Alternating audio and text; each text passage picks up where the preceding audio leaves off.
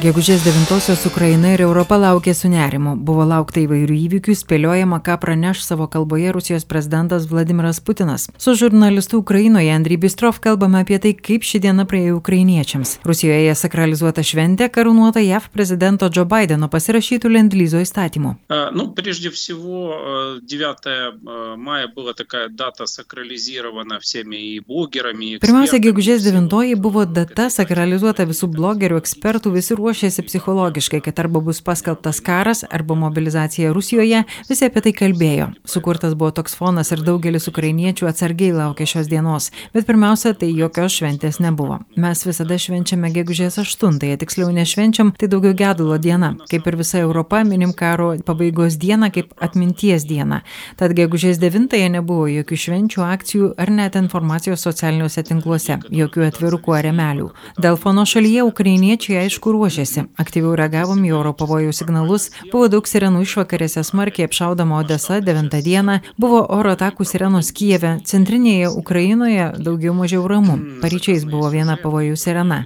Mariupolėje surinktas kažkoks dirbtinis prasėjimas viena gatve, suvežu žmonės, kad simboliškai kažkaip formaliai suvaidinti paradą. Mariupolėje dabar stipriai dirba propagandistai, kurie užsakomuosius filmukus. Užrašus Mariupolis pakeitė į rusų kalbą, kad maksimaliai miestą priartinti prie Rusijos Tačiau, kaip žinom, miestas yra Ukrainos, jis nepasiduoda. Toliau jį didvyriškai gina Azovo pulkas, specialiosios pajėgos, policija, teritorinė gynyba, visi jie laikosi. Dauguma civilių evakuoti, nors tikrai gali būti dalis ir likusių, nes griuvėsiuose neįmanoma visų surasti.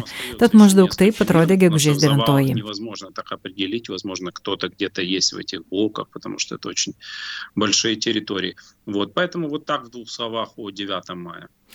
Tikriausiai sekėte ir signalus iš Rusijos. Kas bus Putino kalboje pasakyta, buvo laukiama, kad gal bus kalbiama mobilizacija, pranešta kas nors tokio, tačiau lyg ir nieko nenutiko. Да, дело в том, что э, в этой речи э, было понятно, что э, абсолютно нечего предъявить из каких-либо достижений российскому народу, поэтому... Jo kalboje buvo aišku, kad visiškai nėra kokius pasiekimus pateikti rusams. Tad daug kas pastebėjo, kad tai buvo viena nuobodžiausių ir apie nieką Putino kalbų, kiek jis kreipėsi per gegužės devintasias į tautą. Bendros frazės, jokios prasmės. Matom, kad Ukrainos armija atlaiko puolimą ir nėra kuo džiaugtis. Kažkokie saliginiai pasiekimai Mariupolio okupacijoje, tad kalba atrodė tiesiog niekaip, o Putinas atrodė palauštas. Mums svarbiau buvo tą dieną Lendlyzo pasirašymas.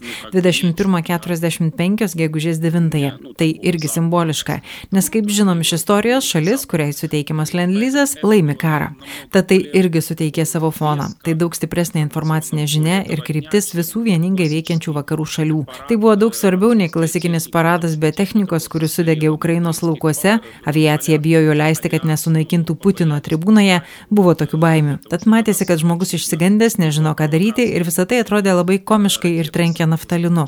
Jei prezidentas Zelenskis savo valdymu propaguoja šilaikinį valdymo stilių, demokratiją, visų savo elgesių išvaizdą ir kalbomis tai rodo ir visą tai kalba apie ateitį, tai Putino vaizdas, apklostyto antklodę, prastai atrodančio, lygoto ir pasenusio, tuo viskas atrodo kaip apdulkėjusi praeitis.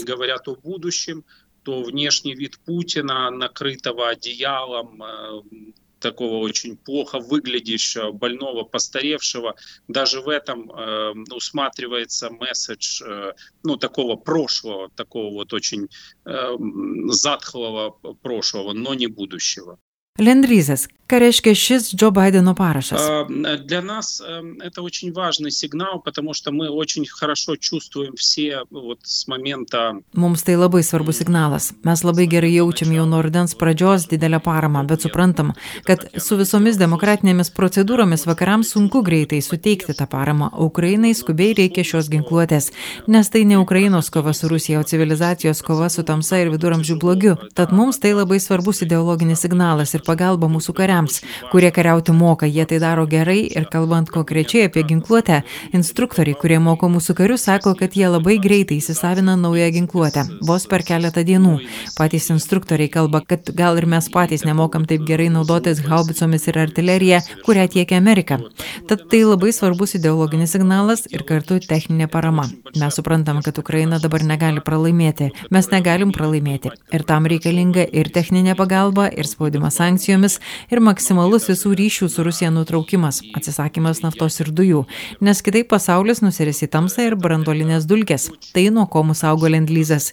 Kartu ir žinoma parama visų Europos partnerių. Ir Baltijos šalys labai daug padeda, Lenkija labai padeda. Tai techninė pusė. Tačiau ukrainiečių kariai dabar nors geriau aprūpinti techniškai, tačiau jie kasdien aukoja savo gyvybės. Štai prieš kelias dienas žuvo ir mūsų kolega, žymus Ukraino žurnalistas Aleksandras Machovas. Mes su juo dirbom. Jis buvo priešakinėse linijose ir jo žūtis didelis praradimas tiek Ukrainai, tiek ir žurnalistų bendruomeniai. Jis buvo puikus, atviras žmogus ir profesionalas. Anksčiau jis buvo karo korespondentas, o dabar tarnavo armijoje. Ir kai girdi tokias istorijas, kai žūsta žmonės, kuriuos žinai, supranti, kad tai nėra kažkas abstraktaus, tai konkretūs likimai žmonių, kurie žūsta dabar, bandydami apsaugoti visus ukrainiečius. Iki karo pabaigos mes aišku negalim kalbėti apie Ukrainos karių praradimus, tačiau žinoma, kad jų yra.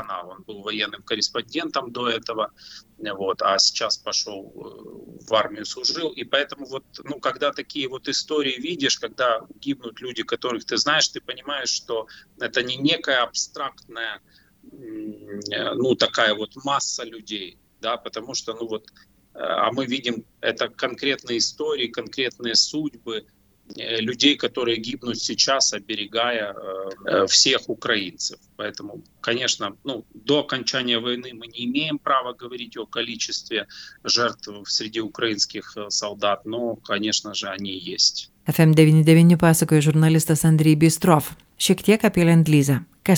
Jav prezidentas džo baidenas gegužės devintąją pasirašė įstatymą pagrįstą antrojo pasaulinio karo laikų sistema padėjusią vašingtono sąjungininkėms nugalėti nacistinę vokietiją lendlyzas buvo jav karinės technikos nuoma ir karinių žaliavų degalų šaudmenų ir kitų materialinių išteklių nuoma perdavimas ir pardavimas didžiajai britanijai sssr kinijai prancūzijai ir kitoms antinacistinės koalicijos narėms. Lendlyzo programa prasidėjo keturiasdešimt pirmųjų kovą po aštuoniolikos mėnesių nuo karo pradžios. Iš viso to tuomet paramos materialinėmis vertybėmis suteikta už 50 milijardų dolerių, kas 2007 metų kainomis būtų apie 700 milijardų dolerių. Po karo visos šalys su jungtinėmis valstybėmis atsiskaitė, išskyrus SSSR. Joe Bidenas dabar pasirašęs Lendlyzo įstatymo pareiškė, kad Junktinės valstijos palaiko ukrainiečių kovą ginant savo šalį ir demokratiją nuo Putino brutalaus karo. Joe Bidenui pasirašius 2022 Ukrainos demokratijos gynimo Lendlyzo įstatymą, JAF administracija įgys daugiau galimybių siūsti karinę įrangą ne tik Ukrainai, bet ir sąjungininkėms rytų Europoje. Prie mikrofono buvo Vilija Kvedaraitė.